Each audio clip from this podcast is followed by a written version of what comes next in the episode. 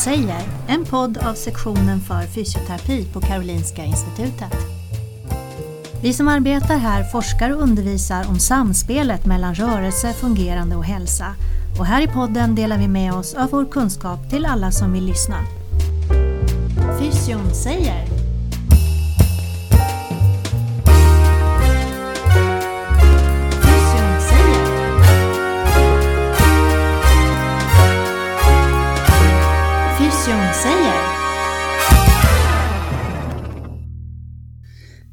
Ja, välkommen till podden Fysio säger. Mitt namn är Wim Groten och jag jobbar på Karolinska Institutet. Och idag har vi två gäster i studion här. Birgitta Nordgren och Anna Skavonius. Välkommen hit! Tack. Tack. Ja, eftersom jag vet att ni är medlemmar i fysioterapeuternas sektion om kvinnors hälsa så undrar jag om inte ämnet för idag blir kvinnors hälsa och till exempel bäckenbotten. Stämmer det? Ja. Ja. Ja, och eh, vad jag också har hört, och det var i år, fick ni ett jättefint pris. Det är Gyllene Äpple, för att ni har en kurs tillsammans. ja, det stämmer. Det, så har vi något att prata om. Men vi måste börja först presentera eh, våra gäster. Men det är enklast om ni gör det själva tänkte jag. Birgitta, Ja, Norgren som sagt. Jag jobbar eh, dels här på sektionen för fysioterapi eh, med undervisning på grundutbildningen. Och sen så har jag även då eh, kurser på eh, avancerad nivå och då är det både fristående och uppdragskurser. Och sen så jobbar jag också kliniskt på Karolinska Universitetssjukhuset i Huddinge. Och där jag då jobbar uteslutande med bäckenbottenbesvär kan vi säga. mm, och jag vet att du också disputerat. Ja, det stämmer. Det gjorde jag för flera år sedan. Eh, 2014, men det var faktiskt i ett helt annat område. Eh, så min avhandling handlade om fysisk aktivitet vid reumatoid artrit. Och eh, det var en gedigen forskarutbildning som jag fick under god handledning. Eh, efter att jag disputerade så efter några år så kom jag fram till att jag hela tiden drogs tillbaka till mitt gamla intresseområde, nämligen kvinnohälsa. Eh, Så jag tog ett beslut 2016 eh, att gå tillbaka och började återigen efter många, många år jobba kliniskt 2017 inom kvinnohälsa. Tack. Och Anna då? Hur kom du in på detta ämne och vad jobbar du med? Eh, jag jobbar tillsammans med Birgitta på Karolinska här i Huddinge. Och jag kom nog in på det för att jag eh, träffade Kerstin Eliasson på grundutbildningen när den fortfarande hette sjukgymnastutbildningen. Just det, Här. men Kerstin när alla har träffat henne. Kommer ni ihåg hennes slogan? Bäckenbotten, vilken tur, Anders ramlar allting ur. Jag tror att det är du som kommer ihåg den. Nej, det... Ja, nej, men Mm. hon slängde på mig en massa artiklar och gjorde så att jag skrev en C-uppsats om bäckenbottenträning. ja. Så sen var, var jag lite fast i det.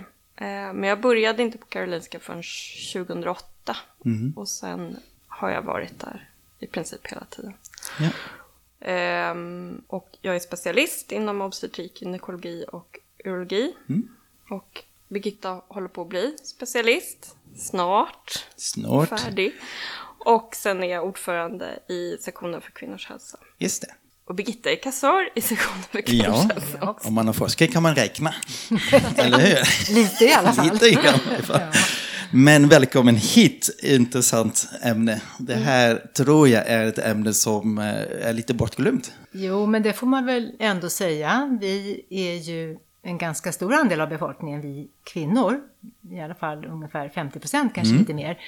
Eh, men eh, det vet vi ju att kvinnosjukvården är eftersatt och i synnerhet när det gäller det här området. Och det har tydligt framkommit i, i flera SBU-projekt där man har identifierat många kunskapsluckor och framförallt då inom förlossningsvården. Jag såg att det kom en rapport 2016 där man verkligen basunade ut att här fattas kunskap. Nu är vi fyra år senare, har det kommit mer kunskap? Ja, det har det gjort. Alltså man identifierade att eh, man måste bli mycket bättre på att diagnostisera förlossningsskador. Och man har gjort enormt stora satsningar, stoppat in mycket, mycket pengar och att lära och utbilda barnmorskor i att suturera eller eh, ja, både identifiera och suturera skador, bristningar alltså inom förlossningsvården. Eh, så den biten har, eh, har blivit bättre får vi nog lov att säga. Man har blivit verkligen mycket bättre på att hitta skador och reparera dem. Men fortfarande så finns det stora luckor och vi som är fysioterapeuter som bedömer bäckenbotten och bäckenbottens funktion eh, ser ju att det finns stora brister i, i själva bedömningen av funktionen och det, det är här vi kommer in och vår, vår kurs, varför vi startade den. Eh, jag kan inflika att det är mm, ett regeringsuppdrag som togs eh, 2015 där man gör en jättestor satsning på kvinnors hälsa inom flera områden. Och bland annat i det så är det de här SBU-rapporterna för att se vad, vilka kunskapsluckor som finns. Ja.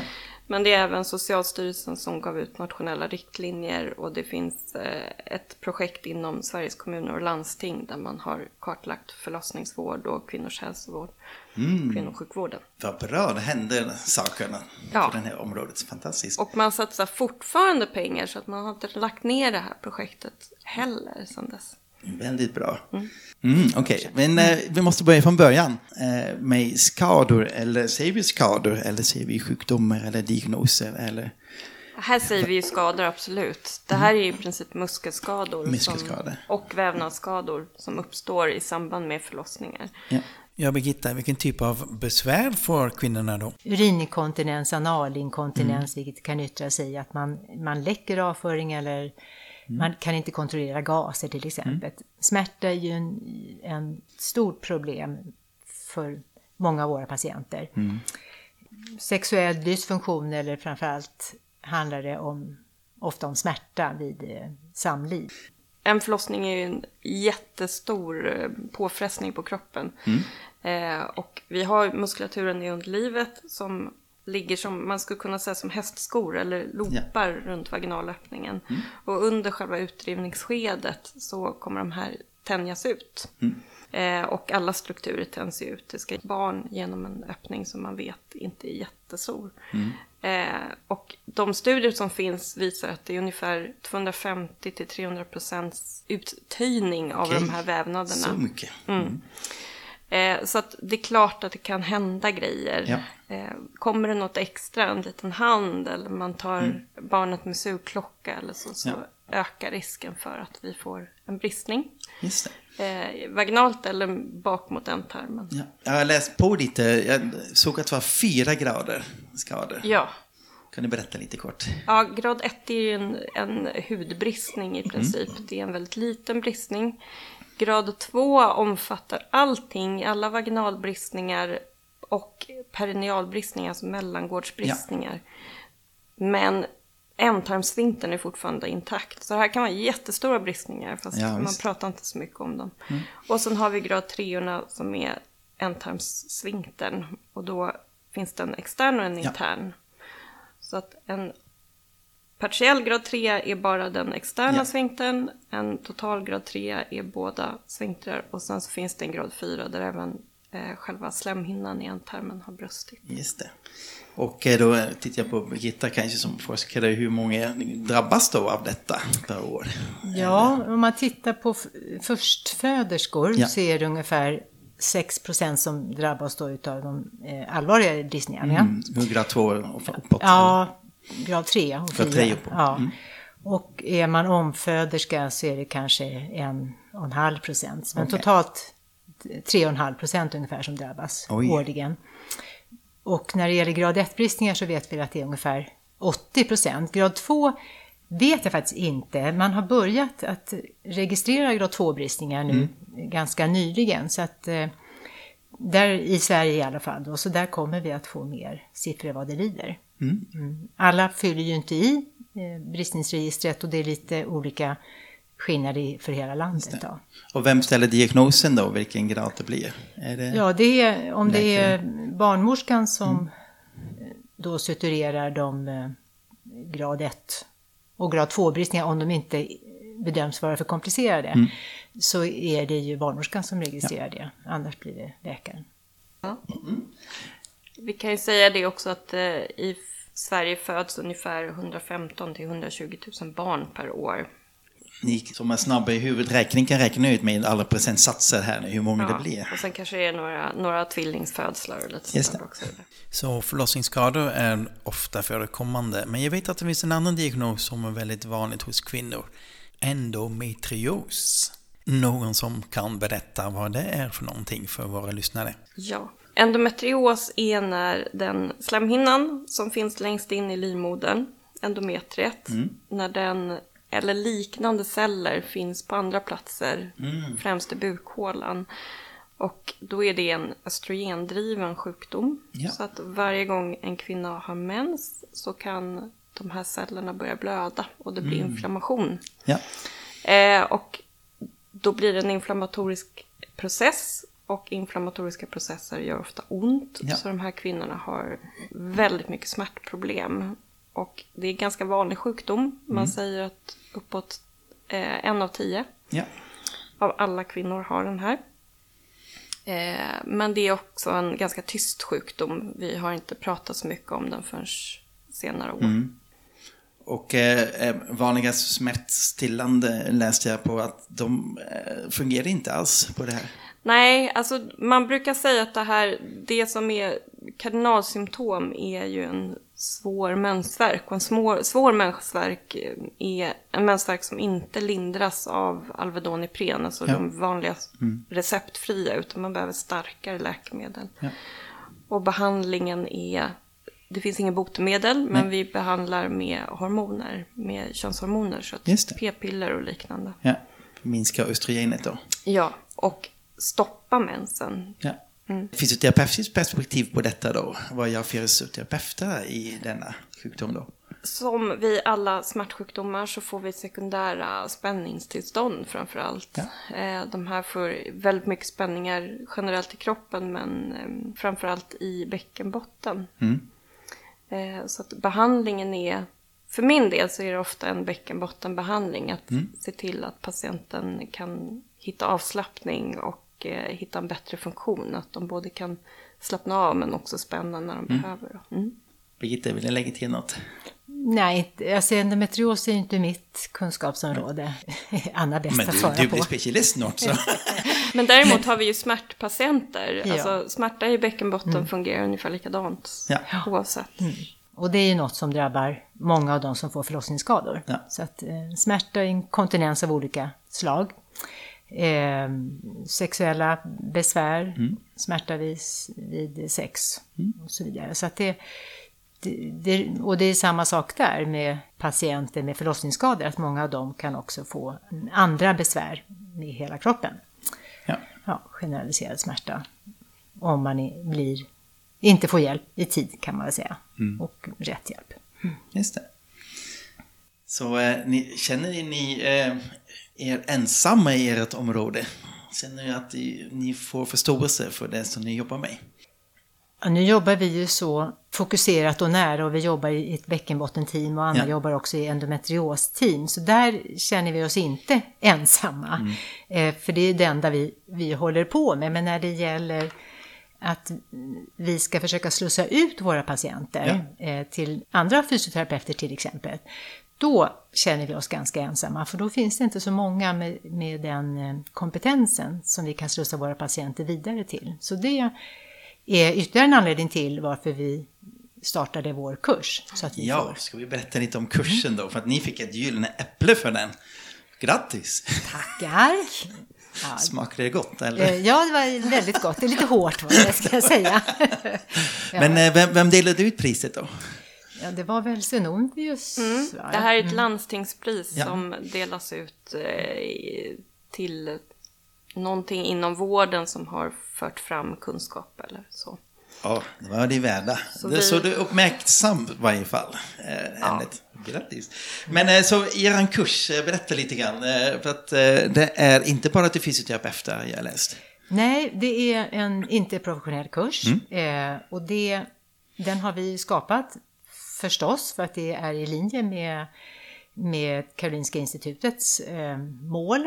Eh, att vi ska främja eh, interprofessionell samverkan som ju har visat sig vara väldigt gynnsamt ur många hänseenden. Ja.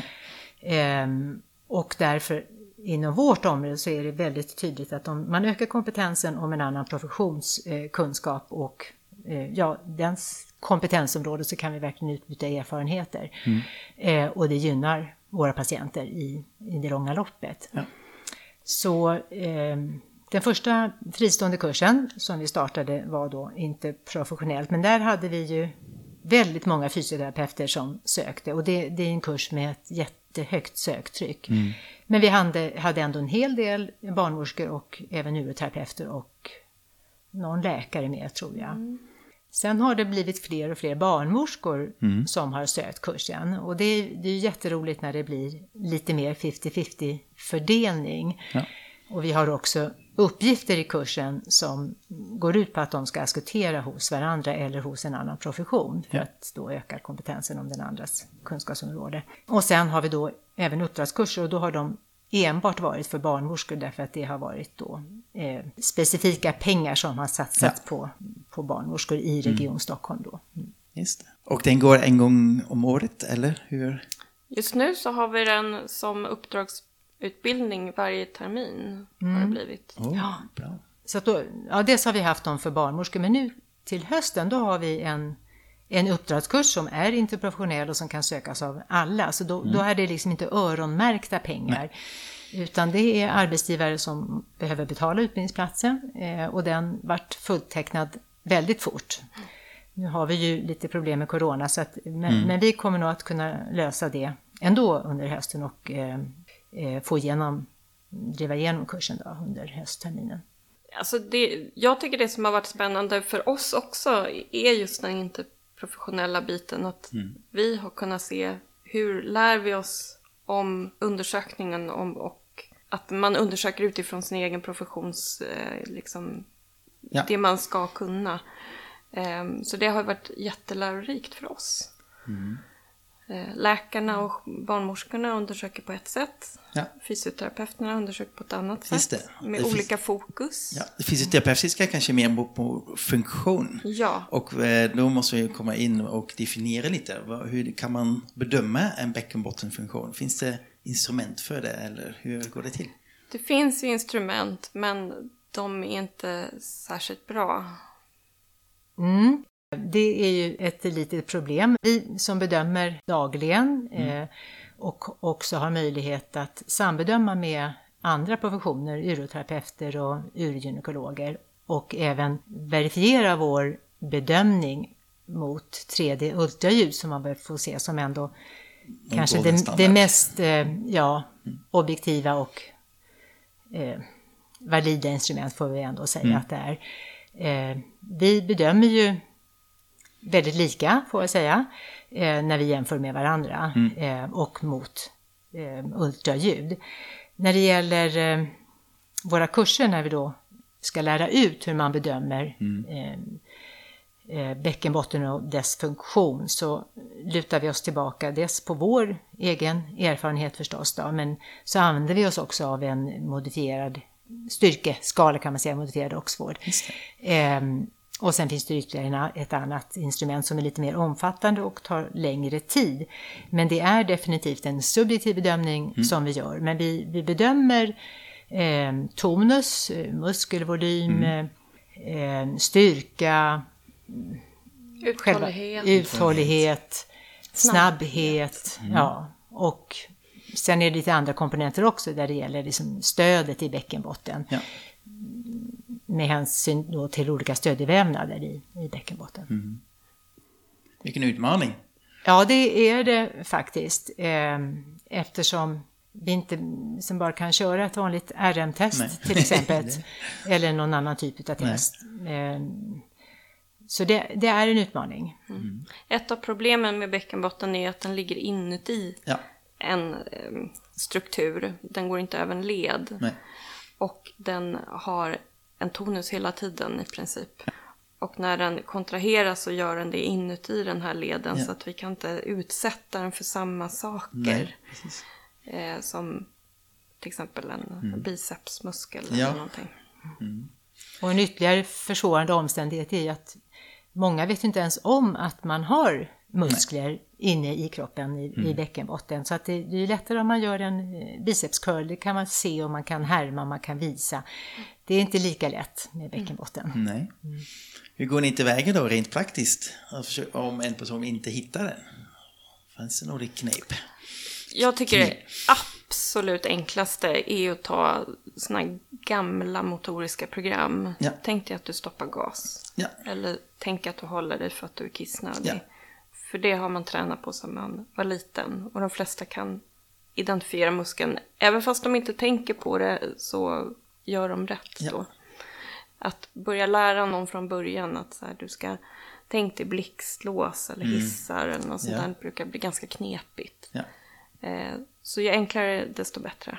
Mm. Mm. Och sen får man guida upp dem i att göra knipet lite. Starkare eller hårdare eller mer långvarigt. Vi välkomnar nytillkomna lyssnare till Fysion säger, en podd av sektionen för fysioterapi på Karolinska Institutet. Ja, jag sitter här och pratar med Birgitta Nordgren och Anna Skavonis om bäckenbottens funktion.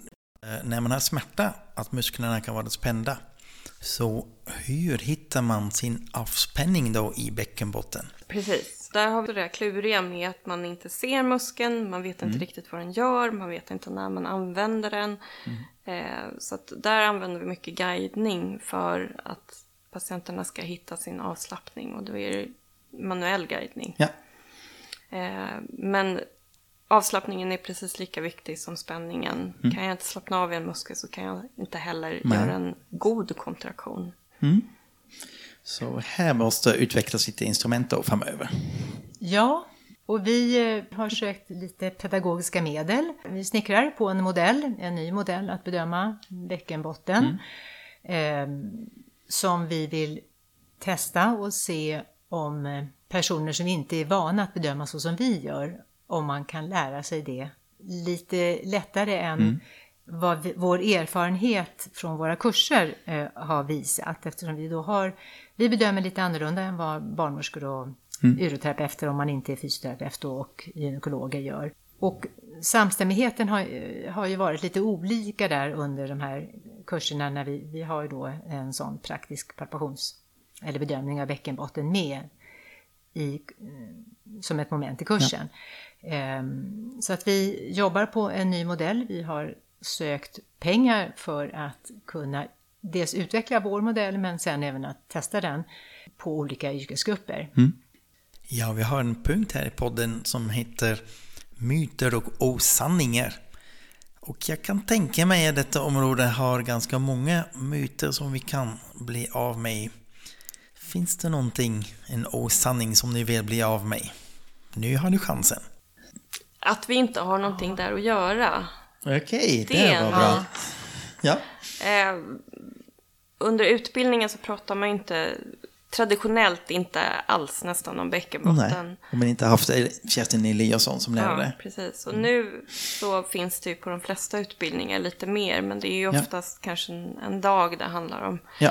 Eh, vi har absolut någonting där att göra. Det är en muskel, precis som vilken annan muskel som helst. Vi kan inte bedöma den utifrån. Vi måste in vaginalt eller analt för att hitta den och palpera den på ett Ja. bra sätt. Eh, och den går att träna och den går att jobba med precis som alla andra muskler i kroppen. Bra.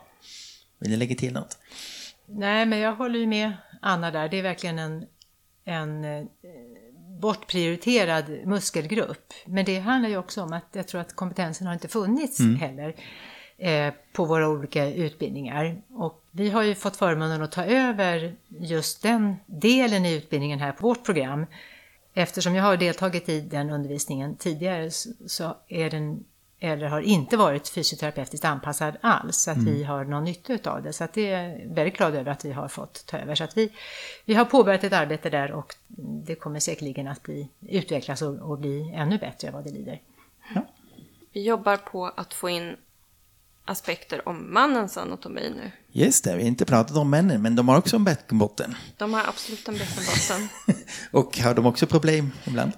Det har de absolut. De är väl i samhället så tror jag att de är ännu mer underförstådda i det, i varje fall i Sverige.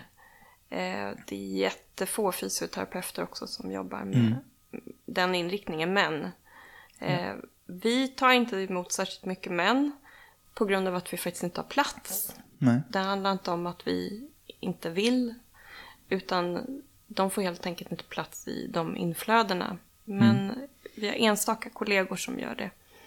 Och Ja. män har ofta smärtproblem. Eh, och sen så finns det efter en, en operation till Med exempel, prostata. prostata så blir i princip alla män inkontinenta. Mm. Men det brukar gå att träna bort ganska lätt. Så att det finns ju en nisch där också. Så är det någon som är intresserad av att börja jobba med män och bäckenbotten Mm. så är de mer än välkomna. Det är bra med en sån här podd. Det kanske sprider såna här kunskaper. Mycket bra. Jag tänkte på en yrkesgrupp, eller kanske ingen yrkesgrupp så, men eh, trampolinhoppare, eller hur heter de? De som jobbar med trampoliner. inte de som drabbas mycket av? Jo, det har ju visat sig om man utsätter bäckenbotten. Alltså, ja, då kan man ju säga framförallt om man har fött barn också. Ja. Så är det ju, eh, och även innan man föder barn så är trampolinhoppning en ganska stor påfrestning på bäckenbotten. Och stödjer bindväven alltså i, i bäckenbotten. Det, det kräver att man har en enormt bra bäckenbottenmuskel, Ja. en muskulatur som verkligen är stark och kan, kan väga upp alla de krafter som blir när man hoppar trampolin. Men, men det har visat sig att de som gör det och de som då har, har fött barn, de läcker ju urin i en väldigt mycket större utsträckning jämfört med andra typer av fysisk aktivitet. För det, blir, det är en stor påfrestning. Men där kan man ju se att inom riskgrupper, om vi till exempel tar CF-patienter som har en kronisk hosta Ja. eller trampolinhopperskor på elitnivå som inte har fött barn och även andra elitidrottande kvinnor framförallt så finns det en högre grad av urinläckage. Ja, än bland den normala populationen. just det. Men det, eh, kunskapen om hur olika typer av idrotter påverkar bäckenbotten på lång sikt är, kan man säga befinner sig i sin linda. Och eh, om man nu får göra lite reklam då så håller vi på att uppdatera eh, vår bok Graviditet, hälsa och träning som vi första gången gav ut 2011. Eh, Ja. jag skrev den tillsammans med barnmorska Susanne Åhlund och sen kollega Cecilia Fridén, fysioterapeut. Men nu ha- har vi gjort en stor sökning i litteraturen och håller på att eh, sondera terrängen där. Det har kommit en hel del nytt. Så att eh, förhoppningsvis så ska vi kunna eh, sprida lite mer ljus över detta område. Så att det, det pågår en hel del och under de senaste åren. Men, men det, det är jättesvårt med de studier som har gjorts inom området och att verkligen veta på lång sikt hur Ja. kommer det att Precis. drabba en, en kvinna. Ja, spännande. Vad sker just nu mera än uppdatering av din bok? Är det något annat som pågår? Vi nämnde Ja. redan kurser och uppdragsutbildningar och... Ja, de rullar ju på. Vi, ger, vi kommer ge en ny fri, Fristående fristående kurs också, VT 2021. Annars så jobbar jag och en kollega på en annan enhet på sjukhuset som är fysioterapeut och uroterapeut som då jobbar väldigt mycket med män. Eh, och eh, vi ska utvärdera, eller rättare sagt vi ska översätta ett frågeformulär som man ska kunna använda till viss del för att diagnostisera män med Ja. kronisk bäckenbottensmärta. Och sedan ta reda på egentligen hur många i Sverige som får den här diagnosen eller hur många har besvär. För det, det vet vi inte. Och sedan eh, eventuellt så småningom se om vi kan göra en interventionsstudie med, med behandling. Då. Spännande. Anna, vad har du på gång? Ja, vi har ju den här, vi, vi jobbar på att få till en, en klinisk studie som handlar om just det där hur vi kan bedöma bäckenbotten. Ja. Eh, går lite trögt just nu. Ja, men det är speciella tider just nu. Ja, ehm, sen kan vi väl säga inom eh, sektionen kvinnors hälsa så ska vi uppdatera de sfinkterriktlinjer som vi har för att följa upp sfinkterrupturer. Ja. Sen idag ska jag vara med och hålla ett seminarium med fysioterapeuterna. Ja, vi kan ju säga inom eh, sektionen för kvinnors hälsa då i förbundet så ger vi ju också kurser. Där har vi eh, utformat ett nytt utbildningspaket som vi inte har sjösatt än och det skulle vi egentligen börja med här till hösten men på grund av eh, corona så har det fått mm. skjutas på framtiden. Men där kommer vi att ha ett utbildningspaket med kan säga, grund, en grundkurs i bedömning av bäckenbotten och sen olika typer av besvär som mm. man kan drabbas av om man har en dysfunktion av bäckenbotten. Och sen så kommer vi bygga vidare på den med lite utökade specialistkunskaper då som eh, fysioterapeuter som redan arbetar inom mm. området och har erfarenhet av att bedöma ska kunna gå. Och de här kurserna har alltid varit väldigt eh, vältecknade. De, de fylls på så fort vi släpper dem. Mm. Och vi får hel, hela tiden förfrågningar om kurser. Och det måste vi ändå säga, att det har, det har ju skett en enormt uppsving de här sista par åren med intresse för bäckenbotten. Ja, det är otroligt många som vill gå kurser. Vi får ju hela tiden mm. Eh, förfrågningar och det märker vi ju på de kurser som vi ger här vid mm. sektionen också. Att det är ju många hundra som söker kurserna. Ja. Mm. Sen jobbar vi på kompetenskartan som är en sån här tjänst som vi mm. erbjuder alla, även de som inte är med i fysioterapeuterna, mm. där eh, man kan teckna upp sig om man arbetar med kvinnors hälsa mm. eller mäns. Så att letar man fysioterapeut inom kvinnors hälsa eller med bäckenbottenkunskap så ska man titta på fysioterapeuternas hemsida. Ja.